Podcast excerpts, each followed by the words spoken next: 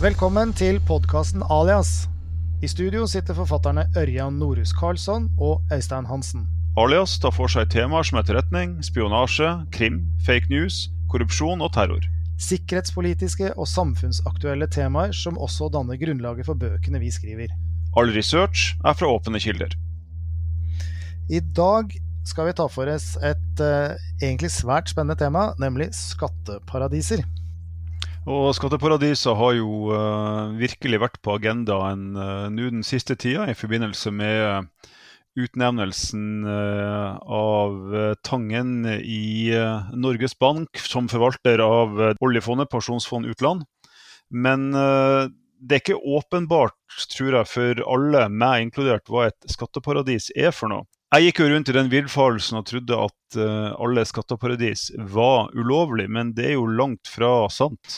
Ja, Skatteparadiser de er fullt lovlige i den forstand at et skatteparadis det er et land med et lovverk som gjør det mulig å etablere selskap uten at noen utenforstående får innsyn i hvem som eier det. Og så er det ekstremt lav eller rett og slett ingen skatt der. I hvert fall selskapsskatt. Samtidig så er det da et betydelig utbygd tjenestetilbud da banktjenester, forsikring, investeringstjenester etc. Så det er åpenbart at tanken bak dette her, det er å tiltrekke seg internasjonal kapital som man ønsker å skatte minst mulig av.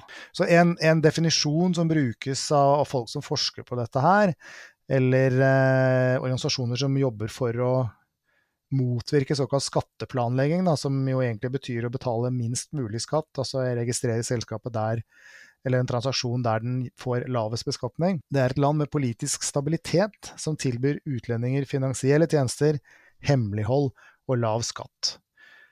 Klassikeren i Europa er jo Sveits, men det er jo langt fra det eneste skatteparadiset, og kanskje en av de etter hvert mindre problematiske når man ser på dette globalt. Da. Så vidt jeg husker, så uh, fikk vel uh, Sveits litt uh, smekk på fingeren for en del år tilbake, og har siden da gjort en del forandringer på systemet sitt? De har vært nødt til å åpne opp noe, og det er jo fordi at de er, ligger midt i Europa. Eh, der er det jo andre land også som, som, kan regnes som skatteparadiser som befinner seg, men de som tiltrekker seg mest kapital globalt, de ligger helt andre steder.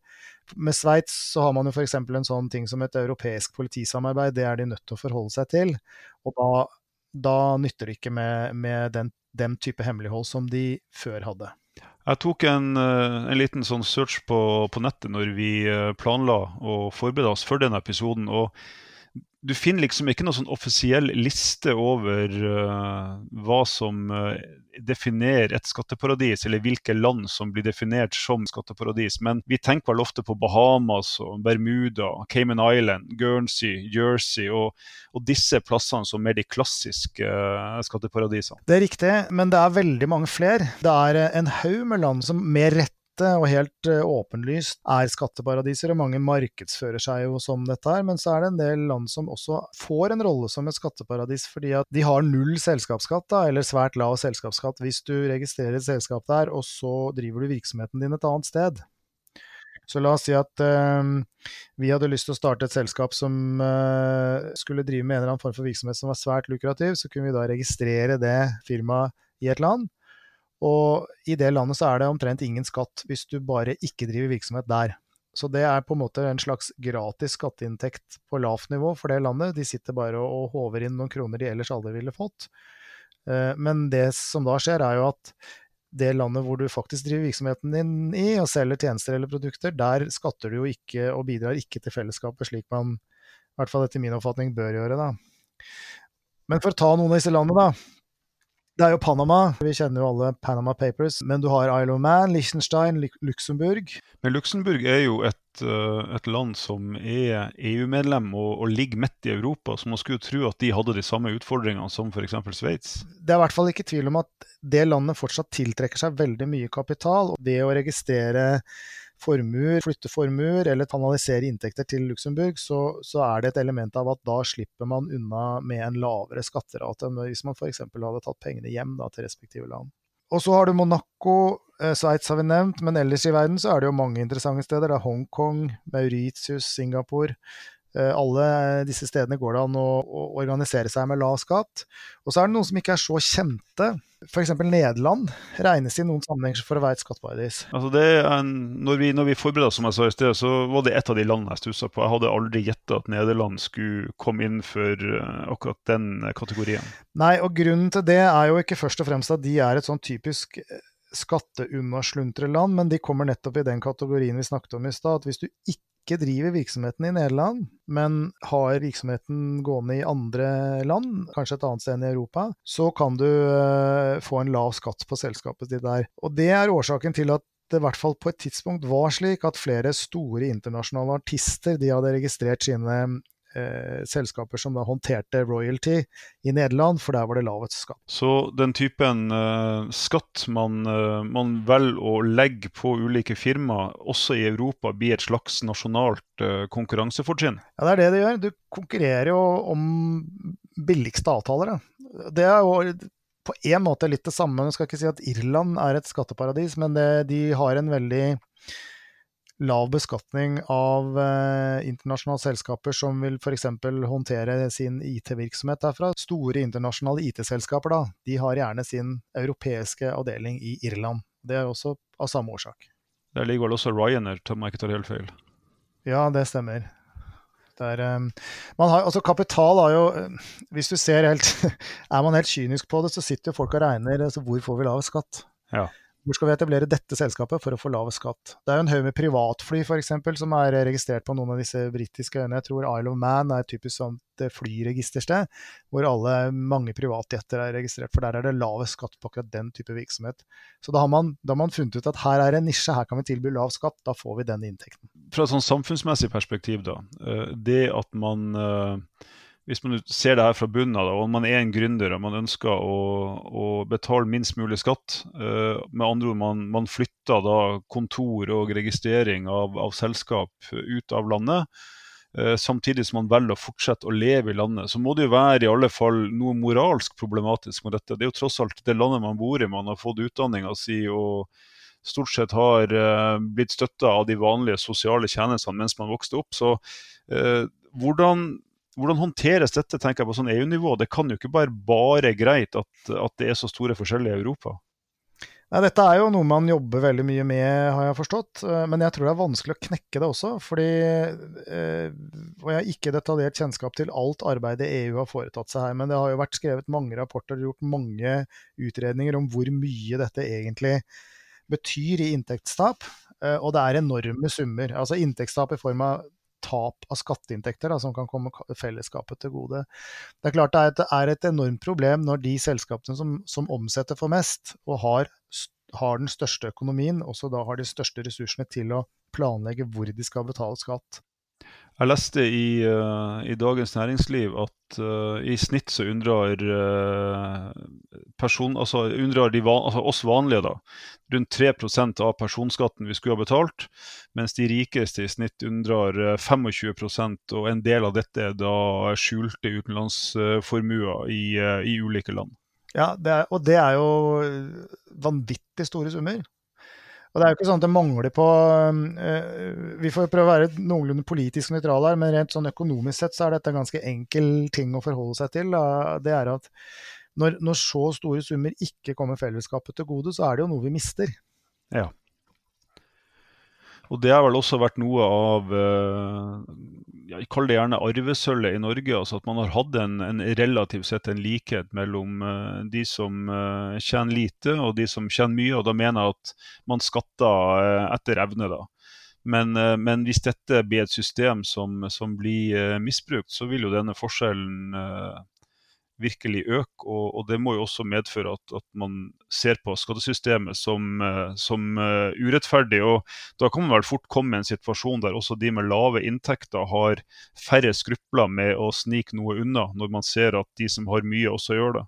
Det er jo ikke tvil om at det er problematisk at når man ser at de som har ressursene, kan jukse, mens den vanlige mannen i gata og kvinnen i gata ikke har ressursene, må betale en det de opplever kanskje som en høy nok skatt. da. Eh, hvorfor skal ikke jeg også få ta del i dette her? Oxfam har laget en rapport som er ganske interessant. Der slår de fast at de 20 største bankene i Europa registrerer omtrent 25% en fjerdedel da, av overskuddet. Det blir beskattet i skatteparadiser. Det er, det er, mye. Ja, og Man kan også regne med at for det første så er det midler som uh, skatt som ikke tilfaller de landene de bankene egentlig tilhører. For det andre så vil jeg vel anta at den skatten som faktisk blir eh, pålagt i disse skatteparadisene, er relativt mye lavere enn hva man ellers ville ha måttet betalt. Ja, ja, ja. Et annet tall, da, for eksempel, hvis vi begynner å snakke konkrete summer, så var det allerede for fem år siden, og det er vel lite som tyder på at dette er annerledes, vi snakket om Luxembourg eh, i stad. De 20 største bankene i eh, Europa de hadde da si, nærmere 5 milliarder euro i fortjeneste på virksomheten de drev i Luxembourg. Og det er mer enn de til sammen tjente i Storbritannia, Sverige og Tyskland til sammen. Så det er helt klart at her er et system hvor man, man, man jobber for, um, for å, å, å, unndra store summer, de, liksom de hissigste skattetaksene, da. Og en, vi, vi, altså, Hva var nivået på skatt de måtte betale for dette i, uh, i Luxembourg? I den rapporten så står det at uh, Barclays, som er en veldig stor bank, den femte største i Europa, i hvert fall var den det for noen år siden, de betalte en effektiv skattesats på 0,2% på det de gjorde i Luxembourg. Det er ikke spesielt høy skatt. Jeg tror at, uh, jeg tror at arbeidsgiveren min blir litt gretten hvis jeg tropper opp av kontoret i morgen og, og ber om 0,2% trekk på, på lønnsslippen min.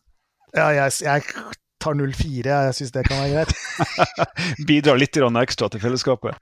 Nei, men det, det, sier jo noe om det absurde her. At uh, her snakker man om enorme Altså hundrevis av millioner i fortjeneste uh, hos en virksomhet som da man skal betale, ikke skal betale en prosent i skatt engang på. Mens de fleste av oss da betaler en skattesats på sånn mellom 25 og kanskje opp mot 30% da i, snitt. Jeg skjønner jo at folk blir irritert over sånt. Hvorfor skal jeg betale så mye når de svære summene her bare kan trekkes ut av systemet? Uh, vi, vi innleder jo bitte litt ved å henvise også til Tangen-saken, som, som, har gjort at, at dette ble uh, aktuelt for oss også, kanskje litt før vi hadde tenkt å, å gå litt inn i det. Og, og, vi kjenner jo bare saken fra media og har uh, ingen idé om altså, hvordan det forholder seg annet enn det vi har hørt. Men en ting som jeg beit meg merke i, var jo nettopp at Tangen var tydelig på at uh, der han hadde plassert pengene sine, som etter alle solemerker er en fullstendig lovlig disponering, uh, også var opptatt av at der skulle han også betale skatt. Men, uh, men hvis det da viser at den faktisk betalte skatter er lav, og hvis du ser på eksempelet du nevnte nettopp med Luxembourg, latterlig lav, så er det jo i alle fall noe som uh, ut fra et etisk uh, grunnlag uh, er åpen for diskusjon. Hvis vi ser generelt på det, så kan man jo si det at folk som har en hvilken som helst investor og person som har tjent mye penger, har da muligheten til å planlegge hvor vedkommende skal skattlegge sine selskaper, ved å da inkorporere dem, som det heter, da, i et skatteparadis. Og da ender man jo til syvende og sist opp med en sånn situasjon at selv om dette kan være litt sånn eh, De kan ha litt altruistiske tanker etter hvert, eh, så ender man jo da opp med å gi bort penger. Men da blir det slik at da skatter man til det formålet man selv ønsker. Ja. Man skatter da, liksom, om det nå er 1, 2, 5, 7, 15% som jo også fortsatt er en ganske lav selskapsskatt, til eh, et skatteparadis, og så sitter man igjen med enormt uh, enorme summer i overskudd. Og så tenker man at ja, det skal jeg bruke til et formål som jeg mener er viktig i samfunnet. Mm. Da blir det en slags sånn styrt Da styrer man jo egentlig samfunnsutvikling gjennom selvvalgt beskatning, da. Og det er jo heller ikke en god tendens.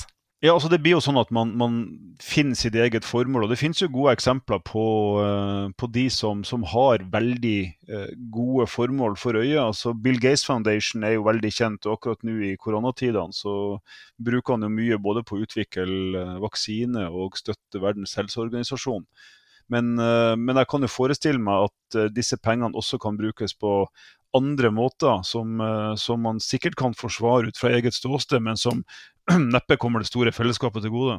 Ja, selvsagt. Eh, spørsmålet er jo, det blir jo en, en etisk og, og, en filosofisk eh, problemstilling. Hvor mye skal ekstremt rike mennesker få lov å bestemme over sin egen formue? og det, der Man kan jo tenke seg at man ønsker vel ikke et samfunn hvor de ikke skal ha mulighet til å påvirke heller, men det er, det er jo en, problem, det er en vanskelig problemstilling, tenker jeg. fordi når du har blitt rik nok, ja så ender det opp med å være slik at da er, det, da er også stater interessert i deg. ikke sant? Da er det ikke lenger bare, da er det ikke lenger bare mm. uh, uh, det, den vanlige hverdagsmaskinen med skatt eh, inn og, og, skole og helsetjenester ut, men da er det så mye penger at da begynner man å se på hvordan kan vi lokke denne virksomheten til oss.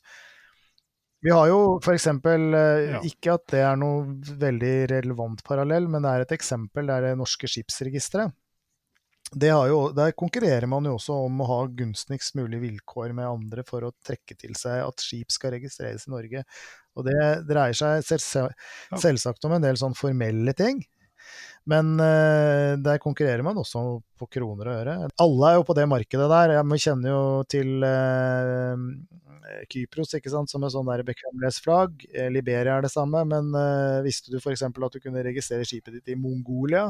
Det er interessant. Den mongolske marine er vel uh, både frykta og slagkraftig? Ja, det, den er veldig liten, men det er også mulig. Man setter i gang med tjenester da, for å tiltrekke seg penger. Det, på den annen side kan du skjønne at alle stater må ha inntekter, og, og, fattige stater må kanskje gjøre et eller annet for å få noe.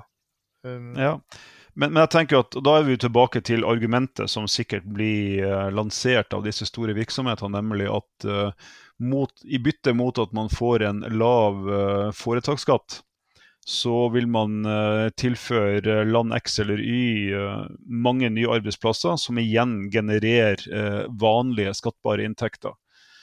og som da kommer, kommer, staten til gode. Så det er vel egentlig det som ofte er argumentet.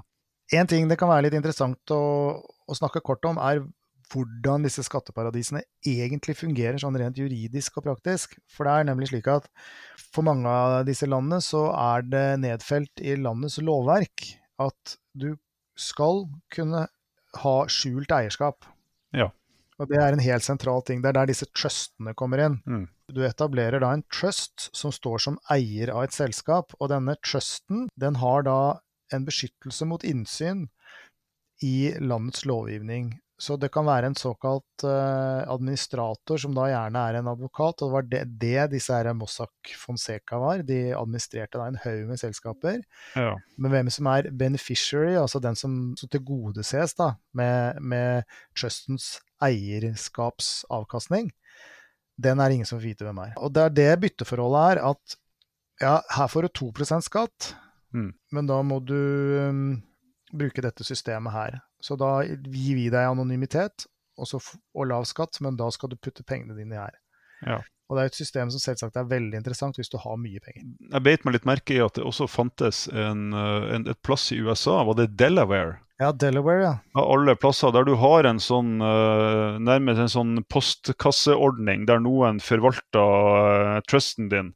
Jeg forsto at det var ei, ei sånn kontorbygning i Delaware som faktisk husa 285 000 selskap. Det er akkurat det samme som Cayman Islands, for eksempel, hvor du har disse postkassebygningene, og du har det flere andre steder også. Det, Delaware var tidlig ute med dette her. Jeg er litt usikker på hva bakgrunnen for det egentlig er, men det ligger et godt stykke tilbake i historien i USA. Ja. Så de er også kjent for å være et, et sted hvor det går an å gjemme bort mye penger, da, den staten. Det er jo interessant også at du, du, har den muligheten innenfor det føderale systemet i USA. Altså Det første jeg tenkte på når jeg leste det, var jo at hvis uh, andre stater ser at dette gir fordeler, så kan man jo plutselig begynne å konkurrere mot Delaware nettopp for å tilby denne type goder. Eller goder, da, som igjen medfører, vil jeg tro, at, at statene på sikt da mister skatteinntekter. Hvis det er slik at stater Eh, enten nå er stater i en føderasjon eller suverene stater eh, globalt sett, konkurrerer om å tilby selskapet lavest mulig skatt, og det gjør det jo faktisk, så vil tape fellesskapet. Det er alle som, som jobber med denne problemstillingen helt enige om. Det er, det er, det som er problemet. Og skal man løse det, så er jo første bud det er jo rett og slett å fjerne dette hemmelighetskremmeriet. Ja. For hvis det ikke eksisterer, så går det ikke an å gjemme seg. Og da vil man kunne bli gjenstand for um, oppmerksomhet fra sitt eget uh, hjemland. Vi var jo allerede nå i, i, USA, og der finnes det en organisasjon som også har eh, drevet med litt, skal vi kalle det for aktiv skatteplanlegging. Vi tenker selvfølgelig på CIA. Eh, der jeg til og med tenker at de oppretta en ideell organisasjon som heter Incutel. Det er en lang historie eh, hos CIA, og helt sikkert veldig mange andre etterretningsorganisasjoner også, i å bruke skatteparadis til å håndtere inntekter og bevilgninger, og ikke minst utbetalinger, som ikke tar seg så godt ut på statsbudsjettene. Mm. Nå har jo alle disse etterretningsorganisasjonene sånn såkalte slush fund, som er på en måte penger man, man bare ikke Der det ikke er noe bokføring. Det gjelder helt sikkert også norske tjenester. Men her er det snakk om å gjøre ting i ganske mye større skala. Det som er litt interessant, det er en historie ganske langt tilbake i tid om, om um, CIA, hvor de allerede på 70-tallet så var det i amerikanske skattemyndighetene på sporet av amerikanske selskaper som som opererte via skatteparadiser i Karibien. Mm. Det gjaldt bl.a. finansiering av skip, utbetalinger og, og, innbetalinger fra regimer som var litt mer tvilsomme. Og, og, men ikke minst så dreide det seg om å unndra seg beskatning i USA. Mm. De hadde bevisene, de hadde, de hadde, fotodokumentasjon, de hadde kopier av kontrakter. Det var ingen tvil om at her foregikk det skattesnusk. Men det ble stoppet. Mm.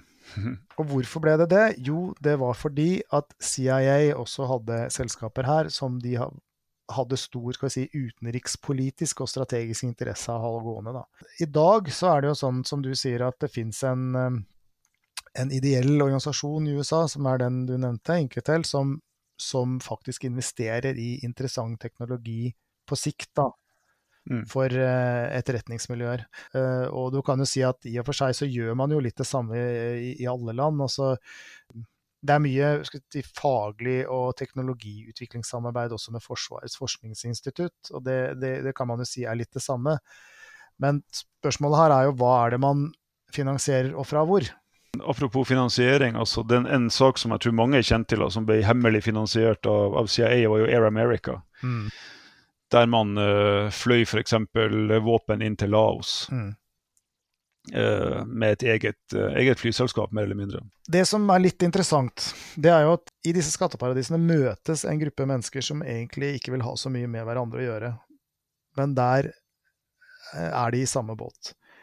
Og det er der hvor folk som driver i ut, det man kaller utvinningsindustrien, altså alt som har med gruvedrift Mm. og natur, naturressurser, der er det nesten uten unntak slik at når man finner noe der, av um, unndragelsessaker, svindel etc., så er det alltid i forbindelse til skatteparadiser. For det er der de salter ned pengene Ja. sine. Det går, har gått enormt mye penger f.eks. fra oljebransjen i Afrika, Nigeria og Angola i, i særdeleshet, der enkeltindivider har blitt ekstremt rike og saltet ned pengene sine i skatteparadiser. Det er jo Mm. Dubai også mye brukt, men, eh, men også de kanaløyene i England, og ikke minst eh, i Karibien så er det, er det mange tilfeller. Men det er også disse eh, kanalene som brukes til å flytte på inntekter fra kriminell virksomhet. Narkokartellene har jo vært storkunder i disse skatteparadisene i alle år. Og så har du da etterretningsmiljøer, og så har du andre skal vi si, statlig initierte aktiviteter hvor man er opptatt av å ikke få innsyn. Det Så her møtes alle. en interessant miks, sånn at du kan, da, eh, du kan da egentlig oppsummere med å si at skatteparadiser er steder der internasjonale selskap, forretningsfolk, etterretningsorganisasjoner og organisert kriminalitet møtes. Det er det. Og hvis de har fest, så håper jeg ikke Sting spiller der òg. det er jeg ganske sikker på at han ikke gjør. Nå som vi får inntrykk av at så å si alt er digitalisert, så er det likevel ikke all informasjon om disse skatteparadisene som er tilgjengelig likevel. Nei, det er jo sånn Opprinnelig så var det jo slik at eh, hvis du hadde en såkalt numbered account i Sveits, så betydde det at du hadde en, en, en lang eh, nummerremse, altså rett og slett en slags kode, en, bank, eh, en kode for kontoen din, Mm. som du og noen helt få private bankers i Sveits eh, kjente til. Akkurat. Så for at man skulle finne ut at f.eks. Ørjan hadde x antall millioner eh, sveitserfranc på en konto der, så måtte man ha tilgang på det nummeret og klare å overbevise andre om å få innsikt. Og det var jo det sveitsisk bankvesen hadde som fortrinn, var at dette var jo også da lovbeskyttet, at du skulle kunne ha lov til å ha en sånn hemmelig konto. Akkurat. Og, og etter at dette ble digitalisert, så har jo mye, mye har jo nå øh, kommet for dagen. Men kan, det er jo interessant å leke med tanken uh, rundt at det er jo ikke kanskje all denne informasjonen som er digitalisert. Kanskje det er noe koblet til bankbokser også, hvor det kan ligge andre former for verdisaker som, ja. som kan ha svært stor verdi. Og disse bankboksene kan jo være svære òg. Ja, altså det slår meg jo her at uh, det er jo ikke fullstendig utenkelig at uh, en av Norges mest, uh, kall det gjerne, notoriske forsvunne formuer ligger i en eller annen bankboks. Det er det jo ingen som vet, men, men at det fins si Man kan tenke seg at det fins formuer som ennå ikke er registrert på noe vis, selv om man har strammet inn. Det er ingen tvil om. Det er vel det som ligger bak uh, dette tilbudet som, uh, som skattevesenet av og til kommer med om at hvis du melder inn det du har i utlandet nå, så skal du få slippe straffeskatt. Ja. Jeg kan ta en teori der som forstår for min regning. Men jeg lurer på, hvis, er, hvis beløpet er stort nok, ja. melder man fra? Ja, du tror at man gjør det, da? Nei, jeg, nei, det var et åpent spørsmål. Jeg stiller spørsmålstegn Hvis det er et veldig stort beløp, veldig store verdier, vil man da melde fra, selv om det er et sånn skatteamnesti? Det er klart, det har jo noe med holdning å gjøre, dette her. Ja, det har det jo. Det, har det. det blir litt sånn som at, uh, at politiet sier at nå er det våpenamnesti, og du sitter med en stridsvogn i hagen og lurer på om det kanskje ikke helt faller innafor uh, det du har. Ja. Men vi har jo sånn som eh, Det er jo relativt godt dokumentert at eh, en del av oligarkene og venner av eh, regjeringsapparatet i Russland også har vært storforbrukere av disse skatteparadistjenestene og hemmelige kontoer etc., også i Sveits. Ja. Så her holder man jo fortsatt på med det samme. Ja, og vi, vi, har jo vært inne på CIA allerede, og det er vel uh, sikkert uh, sannsynlig at uh, vår nabo i øst også har et par kreative muligheter for at uh, etterretningsorganisasjonene der skal få bruke penger uten at det nødvendigvis kommer på det russiske statsbudsjettet. Eller at det synes. Det er nettopp det som er poenget her, er at har man et sted hvor man kan betale inn og betale ut penger uh, uten at noen vet det, så er det jo et svært nyttig strategisk verktøy for folk som driver med lysskyvirksomhet eller etterretningsvirksomhet, altså ting som egentlig ikke trenger, tåler dagens lyd. Og som eh, seg hør og bør, så vil vi også i denne episoden uh, anbefale litt litteratur. Uh, ei bok som vi tror passer godt til, uh, til temaet. Uh, og Eistein, hva er det du har tenkt på? Det jeg har tenkt på, er en Det jeg vil nesten beskrive som en bibel på uh, temaet skatteparadis. Det er en bok som heter 'Treasure Islands Tax Havens and the Men Who Stole the World'. Og Forfatteren heter Nicholas Schackson. Det er en uh, gjennomgang av både historikk og metodikk og hele systemet. Det er vel verdt å lese. Den leses nærmest som en thriller. Altså. Ja, kult. Og du? Jeg har lyst til å anbefale ei bok som heter 'The Age of Surveillance Capitalism' av uh, Susanna Soboff. Den uh, setter virkelig uh, fingeren på hvordan noen deler av den kapitalismen som vi har i det 21. århundret, påvirker livene våre. Eh, og den eh, innebefatter både måten eh, man blir overvåka på, ikke bare av stater, men også av private firmaer, av inntektshensyn. Og selvfølgelig også hvordan man ser seg tjent med å tuske bort penger både her og der. Så den, den, kan virkelig anbefales. Da sier vi tusen takk for at du hørte på oss den gangen her også. Vi kommer tilbake igjen neste uke. Ha det godt. Takk for oss.